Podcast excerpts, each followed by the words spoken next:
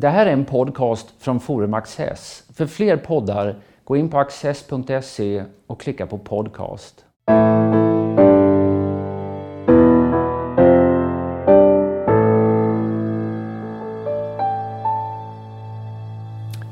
Välkomna till Studio Access. Min gäst idag heter Johan Sundén som är idéhistoriker verksam vid Bibliotekshögskolan i Borås och aktuell med en mäktig volym som heter 68 kyrkan och som handlar om umgänget mellan svensk kristenhet till vänster och marxistiska rörelser och tänkare. 68 är ju ett nyckelår och det är ett symboliskt år men det var också året där det faktiskt hände ett antal viktiga saker. Du eh, fäster stor vikt vid det så kallade världskyrkomötet som ägde rum i Uppsala 1968. Vad, vad hände då? Man kan säga att, att den kristna 68-vänstern eh, i mångt och mycket är en avspegling av den profana 68-vänstern. Men den har också sina egna förtecken. Och det har i högsta grad att göra med det du nämner, världskyrkomötet i Uppsala 1968. Och för svensk del är det naturligtvis oerhört betydelsefullt för den fortsatta utvecklingen att det här äger rum just i Sverige. Um, världskyrkomötet präglas av att man drar um, långtgående sociala och politiska konsekvenser av evangelietexterna kan man säga. Mm. Och det växer också fram en uppfattning av att kyrkan ska vara en påtryckningsorganisation. Um, och I bakgrunden till världskyrkomötet ligger ju dels den så kallade dialogen på kontinenten mellan kristna och intellektuella marxister. Där det sker ett närmande, vilket ju är idéhistoriskt intressant. Eh, men också naturligtvis revolutionshändelserna, eller revolthändelserna i alla fall, om vi använder det uttrycket istället.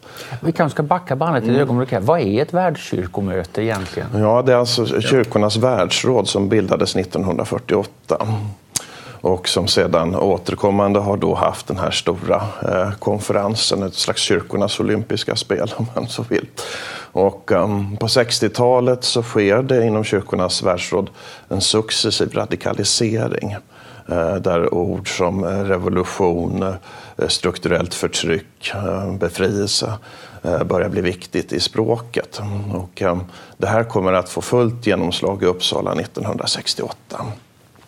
Och världskyrkomötet är betydelsefullt för de svenska kyrkornas utveckling också på det sättet eh, att det handlar inte bara om vad som sker i själva kongressalen utan också vad som sker utanför. Mm. De unga arga, de unga radikala kristna har ett antal egna plattformar. En som kallas Klubb 68 där de bjuder in eh, delegater från världskyrkomötet för att utöva påtryckningar på dem. Eh, och man ger också ut en tidning som kommer ut varannan dag, om jag minns rätt, som heter Hot News, där man då bevakar världskyrkomötet. Eh, och den är, det är en stencilerad liten enkel sak, men som hade höga ambitioner att spegla vad som skedde vid världskyrkomötet från de ungas perspektiv. Så en grupp eh, unga opinionsbildare inom svensk kristenhet som du sen också följer i, i, i boken, de får en sorts, eh, ja det blir en hävstång för dem det här, mm. det här mötet. Hade arrangörerna räknat med detta? Så att säga? För det, det var väl mera stadgade personer som ja, hade organiserat allt sammans? Det hör till det intressanta att när jag började skriva min bok så föreställde jag mig att det här skulle vara stora, en fråga om stora generationskonflikter mellan de unga och de etablerade. Men eh, det är nog snarare frågan om en, grat, en artskillnad på världskyrkomötet mellan tonen. Och flera etablerade tongivande seniora kristna opinionsbildare, bland annat Olof Hartman, säger att det som de unga säger i sina radikala forum är ungefär i sak detsamma som jag säger i mitt kyrkospel Bäraren. Det var ett kyrkospel som Hartman hade skrivit och som uppfördes eh, i Uppsala där profeten Amos gestalt och av samhällskritiker var huvudgestalten. Vad händer sen då? Ja, två av de personerna som är redaktör för Hot News, eh, Per Frostin och Martin Lind, eh, är med och ger ut en programmatisk bok eh, som heter Kristen vänster. Och eh, redan omslaget signalerar ju den här gruppens tillhörighet till 68-rörelsen på det sättet att det, det, det, är ett spår av affischkonsten kan man säga. Och glorian kring frälsarens huvud är ersatt av texten med FNL för Vietnams folk. Och på baksidan så uppmanar man till stöd för de väpnade befrielserörelserna. Här skriver man in sig kan man säga i, eh, i den allmänna eh, 68-radikalismen. Man betecknar sig själv som en integrerad och viktig del av den rörelsen och säger i boken att eh, vi som är kristen vänster, vi är inte ute efter en mer kristen socialist än andra. För det är klart att det, Vietnamkriget som ju var en så att säga, utlösande faktor för väldigt mycket av 68-rörelsen, både profant och i, kristet. Eh, ja, det kunde, Vietnamkriget kunde man ju vara emot, så att mm. säga. Utan det som är speciellt här det är att man liksom anammar marxismen eh, med hull och hår. Ja, för att förstå den här generationen som då kallas i litteraturen för den politiska väckelsens generation så är naturligtvis Vietnamkriget helt centralt. Men också eh, konfrontationen med nöden i tredje världen. Att det, är starka drivkrafter för dem. Och där ser de ju då marxismen som, som så att säga, den politiska lösningen på detta. Och eh, har en mycket idealiserad syn på framförallt marxistiska regimer i tredje världen. Kina, eh, det afrikanska exemplet är Tanzania, mm. Vietnam, Kuba. Och eh, så sent som på 1980-talet så får vi ett tydligt exempel på detta i Nicaragua. Mm. Så ibland har kallats för en tidsresa tillbaka till Vietnamåren. Den opinionen som, som kommer till uttryck då kring Nicaragua på 1980-talet. Så det är, en, det är en varaktig företeelse i den här rörelsen att man identifierar sig med, med, med marxistiska regimer i tredje världen. Men kan man tala om någon sorts, eh, att det är en otålighet här, att man vill se himmelriket mm. på jorden så att mm. säga. Det här som har varit det speciella kristna signumet, det har man inte riktigt tid med. Nej, Jonas Jonsson har skrivit en bok som heter Ekumenik på världens villkor där han går igenom världskyrkomötena. Och han skriver där att när Uppsala 68 att det som var målet för de unga kristna, där de unga radikala, det var inte himmelriket utan det var en delaktighet i den sociala politiska revolutionen. Och det apokalyptiska perspektivet är väldigt påtagligt i, i den här grupperingen. Uh, Olof Hartman har en essäsamling som heter Tiden är kort. Uh, man måste handla resolut och kraftfullt och drastiskt nu. Och det förs ett mycket intressant samtal på Sigtuna stiftelsen mellan den gamle biskopen Manfred Björkqvist och eh, Birgit Råde och Karin Råde, representanter för tre olika generationer. Mm. Och mittengenerationen då i form av Birgit Råde, hon vittnar om Eh, betydelsen av de erfarenheter som gjordes under andra världskriget och 30-talet eh, vad gäller totalitära regimer. Och det säger den yngsta representanten i det här samtalet, Karin Råde, att vi sätter jämlikheten före friheten. Att man har inte råd i en värld som lider så eh, med, den, den lyx för rika som frihet utgör, om man sammanfattar resonemanget.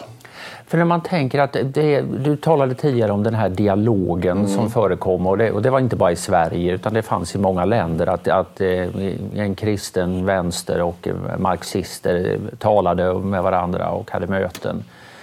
Eh, men här går det ganska snabbt mot en fusion. Mm. Att man, så att säga, det är inte två parter utan i strävan blir snabbt att liksom skapa en sorts ja, marxistisk kristendom eller kristen mm. marxism. Mm. Jag har en rubrik i min bok som heter Från dialog till monolog som mm. eh, är ett koncentrerat uttryck för det som du nämner, att utvecklingen går väldigt fort. Eh, dialogrörelsen är en mycket stor företeelse på kontinenten Eh, och vi får egentligen bara rätt svaga ekon av det i Sverige. Det blir inte så mycket av den. Den, den, den eh, eh, profana vänstern är inte så intresserad av det här samtalet till, till de kristna 68 stora besvikelse. Men istället så blir det då det här dominerande temat att eftersträva en syntes mellan kristendom och marxism. Och det ges ut ett nummer av tidskriften Kristet Forum som är en av mina huvudsakliga källor, eh, 1974, som heter Kristna och marxister i ett dialog. Men där det redan i förordet då deklareras att det är inte längre frågan om en dialog, utan här presenteras förslag till synteser. Och detta, tanken på att fusionera kristendom och marxism är också någonting som följer in i 1980-talet. Och fortfarande på 1990-talet, enligt personer som läste teologi vid den tiden, så användes Per Frostins böcker om kristet marxistiska synteser som kurslitteratur vid teologiska utbildningar i Sverige. Men om man tänker sig att marxismen är ju ändå en, en strikt materialistisk förklaring av, eh, av historien. Eh, här är det, det är produktivkrafternas mm. utveckling mm. som så definierar överbyggnaden och värderingarna mm. i samhället. På det sättet verkar ju kristendom och marxism vara väldigt svåra att förena. Ja, och till det kan ju då läggas så säga, de historiska erfarenheterna. Att, att marxistiska regimer eh, inte har varit uh, goda regimer för kristna mm. utan har ägnat sig åt en uttalad religionsförföljelse. Så det, det är på många sätt ett ganska svårförståeligt fenomen. Uh, men det är ju aldrig frågan, eller sällan frågan om så att, att de anammar allt vad marxismen står utan man gör ett, ett, naturligtvis vissa urval. Ja, men, men likväl så, så, är det att man försöker kombinera en idealistisk åskådning som kristendomen med en materialistisk. Och det här är naturligtvis något som påpekas av kritikerna, att hur får ni ihop detta? Ja, men en cyniker skulle ju tala om att detta är en ulv i fårakläder. Det här mm. är marxister som använder sig av ett kristet språkbruk mm. Mm. för att om man ska vara riktigt cynisk, för att kunna göra karriär i en resursrik mm. organisationsvärld som Svenska kyrkan framförallt, men också andra kyrkor är. Hur kristna var de egentligen? Ja, alltså, man kan ju vara kristen på många olika sätt naturligtvis. Men man får väl säga att det här är en, en relativt säregen form av kristendomen då, där man så oerhört starkt poängterar det politiska och där det politiska då i väldigt hög grad blir synonymt med det marxistiska. Alltså kyrkan, kyrkan har genom hela sin historia naturligtvis haft, eh, tagit, gjort politiska ställningstaganden. Men här är det frågan om att det politiska blir det helt centrala. Eh, man talar om en politisk teologi, en politisk diakoni, man talar om politiska församlingar. Det förs resonemang, kan man vara med i samma församlingar som folk som tillhör borgerliga partier och så vidare. Så det är ju en, det, det är ju en särpräglad form av kristendom eh, som, som växer fram. Sen har jag eh, ofta fått den här frågan, varför väljer de att vara verksamma inom just kyrkan? Och det, jag tror att man måste se detta i ett, ett rent så säga, eh, organisatoriskt och um, perspektiv, att många av dem var verksamma i kyrkan och så kom den här vänstervågen och så sveptes de med i den och de fortsatte att vara uh, verksamma inom kyrkan. Det är ganska få av dem som är synliga på de profana 68-arenorna. Ett undantag är författaren Elisabeth Hermodsson som var kristen kommunism. Hon, hon, skriver en del i tidssignal och konkret och så. Men i övrigt så, så håller de sig ganska mycket, det är det intrycket man får genom källmaterialet i alla fall för sig själva. En, en påfallande sak det är ju det svala intresset för hur kristna behandlas mm. i de här regimerna mm. som man drömmer och fantiserar om mm. väldigt mycket. Eh, du har någon väldigt gripande formulering i din bok om Valladares, den här kubanske dissidenten som berättar hur förfärligt det, var. Värre, mycket värre än att få stryk var när de kom in och kunde citera ur vad eh, västerländskt kyrkofolk hade sagt om mm. kommunismen och kommunistiska regimer. Det där ointresset för i någon mening sina egna, vad, eh, hur förklarar man det? Mm. Ja, det, det, är också ett fenomen som verkligen är svårförståeligt. Och, ehm, på något sätt måste man väl ändå säga då att, att man, man får tolka det på det sättet att det politiska ofta, när det handlade om den typen av konkreta ställningstaganden, blev viktigare än det religiösa. Ja, och det är inte så att man konsekvent förnekar att det skulle förekomma religionsförföljelse, men man tonar ständigt ner graden av det. Och man säger dessutom att kyrkan själv är skuld till detta.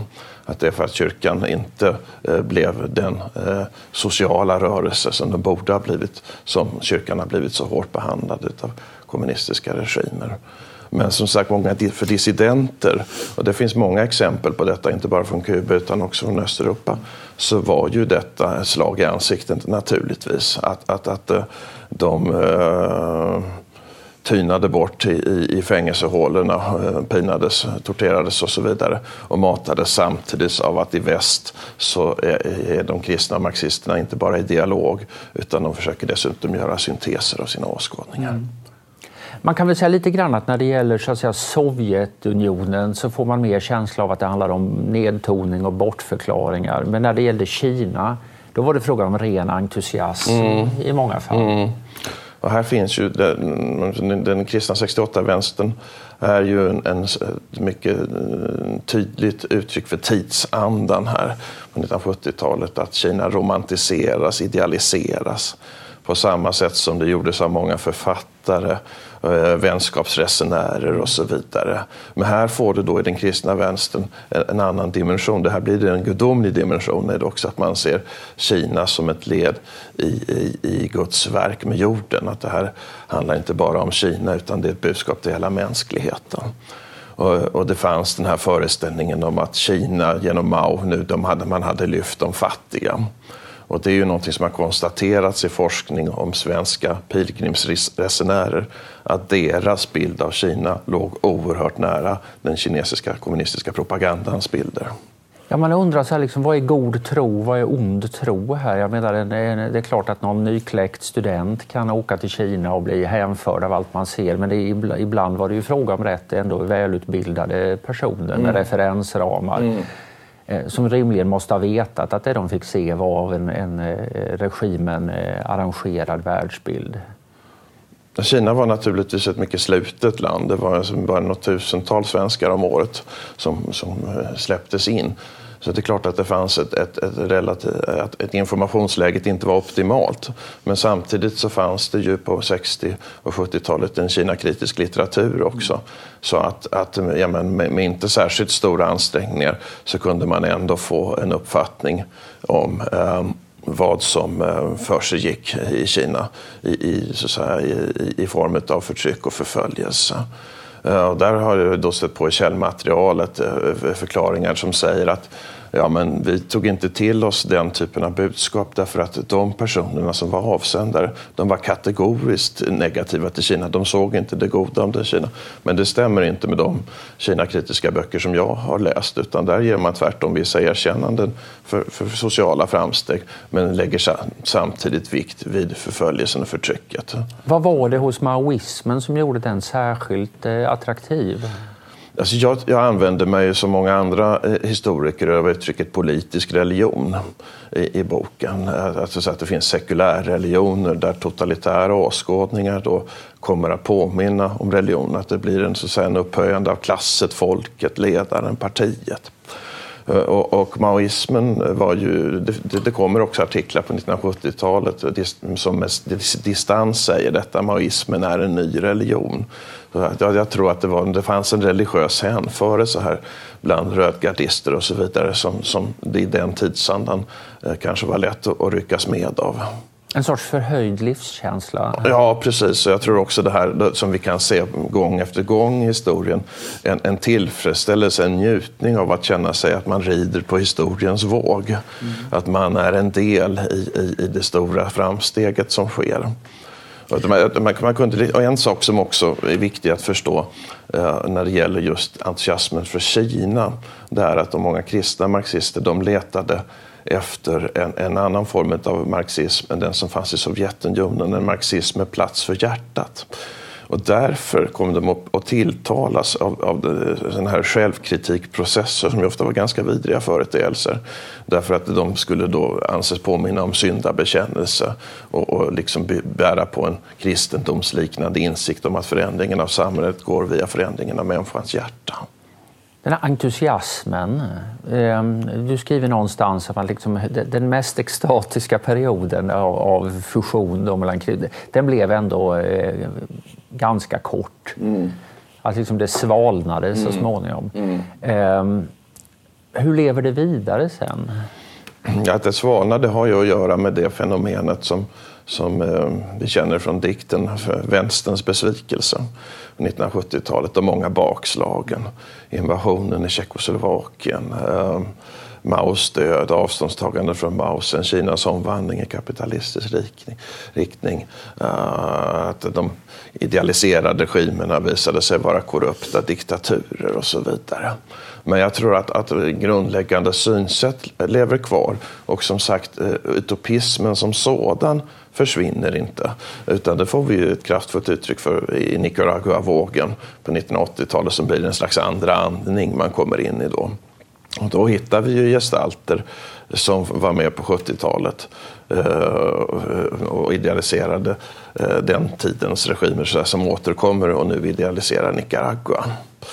Men hur det lever kvar, det är framförallt, jag tror att det lever kvar i ett perspektiv av det här att man ser på samhället ofta i termer av någon slags dikotomi mellan förtryckare och förtryckta. Mm. Eh, och att det, här, att det var ju arbetarklassen som var förtryckt först, sen, sen var det det internationella eh, proletariatet, tredje världens människor, eh, kvinnorna, det blev miljön så småningom, eh, invandrare idag och så vidare. Så vissa grundläggande tankefigurer eh, tror jag lever kvar. De här arbetarna visade sig mindre lätta att entusiasmera mm. än vad de mm. intellektuella var. Och, eh, du refererade en undersökning från 1970 när bara 2% av kyrkobesökarna säger att de sympatiserar med mm. VPK. Mm. Så liksom när, det, när, när vänstervågen svallar som högst så är det ändå ett oerhört litet mm. Eh, stöd bland de breda grupperna kyrkobesökare. Hur såg man på det i de här aktivistkretsarna? Den politiska väckelsens generation den är ju eh, som du säger en, en mycket tydlig minoritet. En liten men mycket inflytelserik grupp. Och den blir inflytelserik inte minst genom att de behärskar många publicistiska plattformar. Men de, där fanns också en specifik yttring av detta med vänsterns besvikelse på 1970-talet. I det avseendet att man hade stora förhoppningar inom de här aktivistgrupperingarna att andan från världskyrkomötet skulle fortplanta sig ut i, i, i församlingarna. Mm. Och där blir man oerhört besviken och säger då att det här har urartat till någon slags borgerlig eh, eh, eh, samhällslek eller något liknande, det ganska nedsättande uttryck. Då. Um, och det, det, det, finns ju inom den här grupperingen ett väldigt tydligt eh, distanstagande till eh, den, det som grupp som vi ofta kallar för kyrkofolket, de som troget går i gudstjänsten, ber sina böner och så vidare. Det är inte de de identifierar sig, utan i den här boken Kristen vänster då, så skriver man att Jesus sanna efterföljare idag eh, kanske inte är de som böjer knä och knäpper händer utan de som går i demonstrationståg och bär ett litet FNL-märke. Det är lite marxism i en leninistisk tappning med ett avantgarde som eh, måste ta täten och upplysa ja. det breda lagren. Ja, det är intressant att du kommer in på det för att den här boken ges ut 1969 och då håller ju den kristna vänstern på att förvandlas från nyvänster, den nya vänstern till en mer leninistisk åskådning. Mm. Och ett av bidragen i den här boken är skriven av Ingmar Näslund. Och han drar en parallell mellan Lenins resonemang om hur man ska förhålla sig till de reaktionära fackföreningarna och hur man ska förhålla sig till den reaktionära kyrkan. Och han för resonemang, Näslund, här om vilken strategi ska man ta då? Den här kyrkan som finns, den historiska kyrkan, den tycker man ju, uh, mycket, uh, tycker man ju illa om. Man är kritisk till den på olika sätt och vis. Och, uh, han diskuterar då en möjlighet att man ska jobba med en infiltrationsstrategi. Så ett sådant uttryck skulle naturligtvis kunna tyckas bekräfta det som du nämner mm. tidigare och som har nämnts i en del artiklar som har skrivits om min bok. Att just att, att ska man inte se detta som en slags, inf slags infiltration av kyrkliga organ, mm. ett övertagande. Den hårda kärnan i den här eh, kristna marxismen den var ändå rätt begränsad i sitt mm. antal om jag mm. förstår dig rätt. Mm.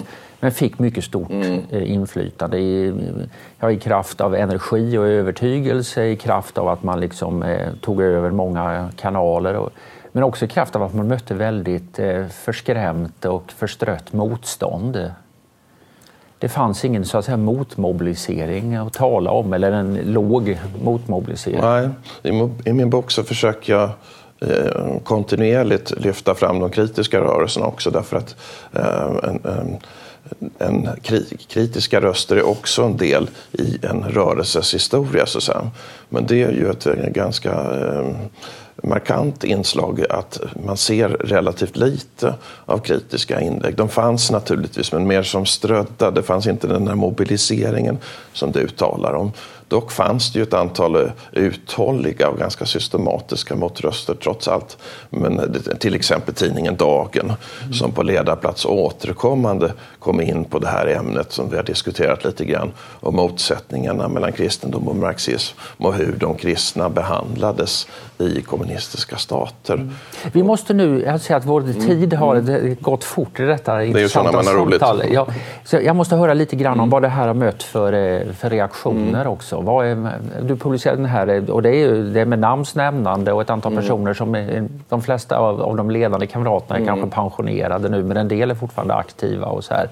Och de har påverkat en miljö som många är väldigt betydelsefull för många människor. Vad, vad får du för reaktioner? Ja, man kan skilja mellan de privata och de, de offentliga reaktionerna. Och eh, de, de, privata eh, har på många sätt varit särskilt betydelsefulla och glädjande för mig. Jag får väldigt mycket brev, eh, e-brev då huvudsakligen, från personer som har upplevt den här tiden, läst teologi eller varit i närheten av den kristna vänstern på andra sätt i 1960 och 70-talets Uppsala och Lund. Och att de säger att de känner igen sig i den här bilden som jag beskriver, att det är en, det är en riktig historieskrivning så som de upplever det. Och de vittnar om hur svårt det var att, att, att säga, inte tillhöra de här grupperingarna. Och det är säkert också ett skäl till att vi inte hittar mer motstånd än vad, vad vi gör. Um, Sen så eh, eh, vad gäller de offentliga reaktionerna så har ju boken ehm, recenserats i, i väldigt hög grad.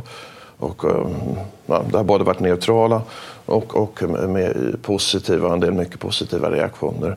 Men i det svenskkyrkliga organ som Kyrkans Tidning så har ju eh, för, mm, så säga, eh, anmälningarna varit mera svala. Och eh, det som, en sak som man eh, uppenbarligen är störd över det är då att jag lyfter fram eh, det här med pro eh, diktaturställningstaganden som görs av ett antal ledande personer som så småningom blir biskopar. Det sticker i ögonen. Och jag har också märkt här att, att här föreligger det en diskrepans mellan eh, många eh, personer i den här kretsens minnesbilder och vad källmaterialet faktiskt säger. Alltså man kan möta åsikter som att det var ingen som blev ledsen när muren föll. Men faktum är att Lars Karlsson eh, som var ordförande i vänskapsförbundet Sverige-DDR sitter och skriver och ledare. Ja, och biskop. Ja. Att vi möts av alarmerande uppgifter 1989. Och de alarmerande uppgifterna det är att, att det östtyska folket är på väg att bryta sig loss ur sina bojor. För du säger att eh, den här den kristna vänster, 68-vänstern och den profana 68-vänstern har stora likheter mm. med varandra. Mm. En stor skillnad som du pekar på det är att det, det är nästan ingen i den kristna 68-vänstern som har ägnat sig åt liksom självrannsakan. Det var bra tydligen i Kina med att man gjorde självkritik men här hemma har det varit mindre angeläget. Det, det, är klart att många av de här personerna som figurerar i min bok eh, idag står för någonting helt annat än vad de gjorde då. Eh, och det har också skett eh, så att säga, debatter där man har haft vissa självkritiska formuleringar. Men det här systematiska, djupgående självuppgörelserna som vi har sett hos en rad andra intellektuella i det svenska samhället, från mediasfären, från den akademiska sfären, eh, från den kulturella sfären. Så det, det har åtminstone inte jag kunnat hitta några uttryck för när det gäller personer som har nått de allra högsta positionerna. Har du funderat på vad det kan bero på?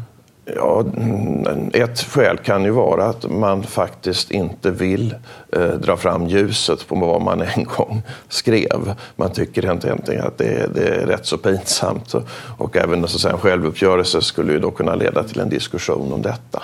Um, ett annat skäl kan väl möjligtvis vara att, att, så att, arvet efter 1968 står starkare inom Svenska kyrkan än vad det gör i många andra organisationer i vårt samhällsliv. Jag sätter ju stopp 89 för, för min forskning med personer som har betydligt bättre insikt i Svenska kyrkan eh, idag än vad jag själv har. Eh, flera av dem har hävdat att det här, eh, de grundläggande tankefigurerna står fortfarande mycket starka. Vi får lov att sluta där. Johan Sundén, stort tack för att du har varit med. Det tack för att jag fick vara med. Och tack för att ni har tittat.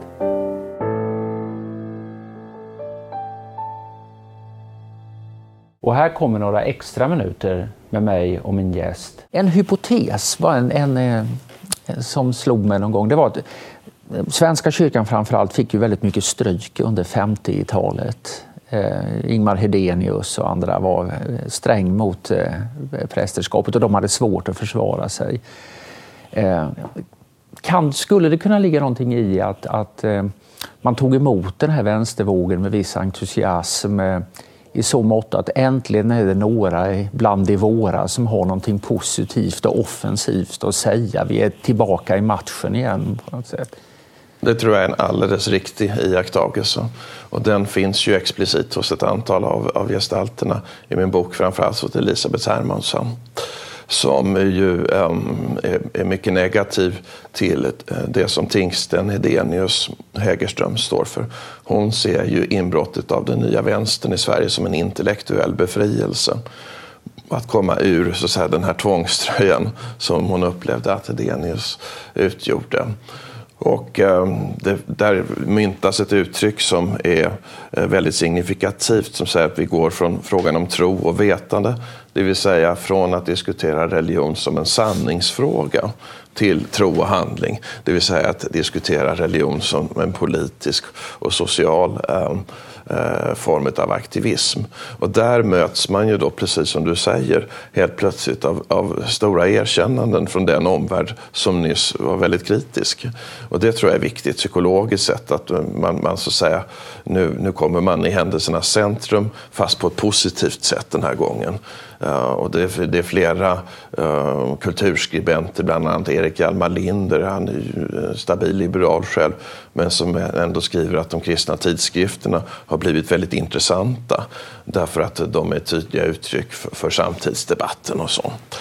Så att, eh, och jag tror också att man kan se det här i ett ännu längre perspektiv än det som du eh, drar upp här nu. Eh, på så sätt att, att det handlar eh, om så att säga, avkristningen av det svenska samhället i längre perspektiv. Där kyrkan nu under hela 1900-talet kämpar för att vara relevant. Mm. Och sen blir man då relevant, i alla fall i förhållande till de grupper som sätter tidens ton på, på 1960 och 70-talet. Och det är klart att det eh, är en, en viktig psykologisk mekanism. Så även om man kunde känna sig som kyrkoledare då, eller professor eller någonting sånt här, sval inför vissa av idéerna i sig, så liksom var själva glöden någonting man eh, eh, värmdes utav? Ja, alltså jag startade ju med boken med, med en, en eh, Eh, för, eh, förföreställning som visade sig vara felaktig. Att, att det skulle vara den här tydliga generationskonflikten. Utan det finns ju ett antal, stort antal personer, viktiga personer, opinionsbildare som eh, lyfter fram de här kristna 68 som en mycket positiv företeelse. En del av dem gör det därför att de ideologiskt sympatiserar med dem och andra gör det eh, säkert av det skäl som du nämner, att man ser att det här är vitaliserande för kyrkan. Det här är en ung generation fylld av entusiasm, idealism, mm. engagemang. Uh, nytt liv helt enkelt i, i, i de kristna sammanhangen. Mm. Jag kommer av någon anledning att tänka på Olof Lagerkrans här, lite mm. grann den här eh, att man eh, på äldre dag låter sig på något sätt entusiasmeras av yngre kadrer mm. som vevar på ordentligt. Mm. Det blir som en vitamininjektion. Jo, sä säkert är det så. Och det är också ett uttryck som finns hos just Elisabeth Hermodsson, att, att den unga generationen den är politiskt medveten på ett sätt som ingen tidigare generation. Och här finns, kommer det också in uppfattningar om att de nästan har fått ett särskilt kall att de, de är liksom kallade till den här politiska aktivismen och de visar sån oerhörd mogenhet, eh, klokhet och etc. i så unga år. Man får en känsla av att eh, ja, den här hetaste ivern klingar av kanske en del under 70-talet och att det, det, byter också karaktär från att här har varit liksom drömmen om att få vara en aktör, att eh, hand i hand med Mao eller på egen hand eh, bygga ett nytt och annorlunda samhälle Eh, så går det över sen eh, till att vara en motståndsrörelse mera. Man är emot eh, ja, upprustning, man är emot USA i alla möjliga olika varianter, mot miljöförstöring och så vidare. Så att man, man blir en motståndskraft och, och som flackar också lite grann mera mellan ämnena. Mm. Ja, det är en väldigt intressant iakttagelse. Tyvärr så är det du som gör den och inte jag i min bok. Det, det, det, ligger nog väldigt mycket i det. Och ett intressant exempel på detta är ju att när befrielseteologin blir ett stort ämne inom svensk kristen vänster på 1980-talet ehm, så skriver Per Frostin ett antal pamfletter där han eh, då försöker formulera en befrielseteologi för svenskar. Och den kommer eh, att ha som ett tydligt inslag att eh, befrielseteologi i Sverige ska bland annat då motverka privatiseringar, motverka att kapitalismens tentakler eh, sticker sig in i det svenska välfärdssamhället och så vidare. Så att det blir, den, den positiva agendan blir svagare. Och det där gäller ju ända fram till kommunismens fall. Att, att, så att då, då, försvinner de stora uh, förebilderna definitivt. Eh, utopierna tar slut helt enkelt. Men antiagendan består ju i många avseenden. Per Frostin är inte mindre antikapitalistisk 1989 än vad han var tio år tidigare. Nej. Men kanske att entusiasmen för planhushållning har, har svalnat lite grann. Det speglar ju för övrigt hur det såg ut inom den profana vänstern också. Att efter 89 så blev det, fick man ett mycket diffusare agenda så, så är det ju naturligtvis. Konstruktiv agenda. All, all, alternativen försvinner. Och det tror jag också är, är, en mycket viktig förklaring till varför Nicaragua-rörelsen blir så oerhört stark. Alltså det är ett sista, bitvis desperat sökande efter det här lyckoriket. Annars är det mycket märkligt att ett litet land med tre miljoner invånare ungefär, långt ifrån Sverige, kommer att uppbåda sån enorm eh, entusiasm och sådant engagemang som det gör. Men det är just det här sökandet efter utopin. Och, ja, det är ju en viss nedväxling från Kina till Nicaragua ja. som, som liksom eh, eh, drömsamhälle. Jag tror att det är Michael Novak som skriver det någonstans, att det är liksom det sista möjligheten att göra eh, socialismen till ett evangelium. Jag måste fråga dig en sak. Jag menar, den, som, den person som många eh, sätter likhetstecken mellan och, och vänster det är ju KG Hammar, ärkebiskopen. Han figurerar inte speciellt mycket i din bok. Vad, vad beror det på? Ja, det, det är ju ett, ett, ett, eh, noterbart faktum att han är relativt svagt närvarande i källmaterialet. Han skriver en bok i och för sig som blir viktig som heter Kyrkan, intresse eller idé där han då argumenterar för att allt fler kristna eh, som tar sin tro på allvar kommer ut som socialister. Så visst finns han närvarande, men inte i den grad som man skulle kunna eh, eh ha förväntat sig.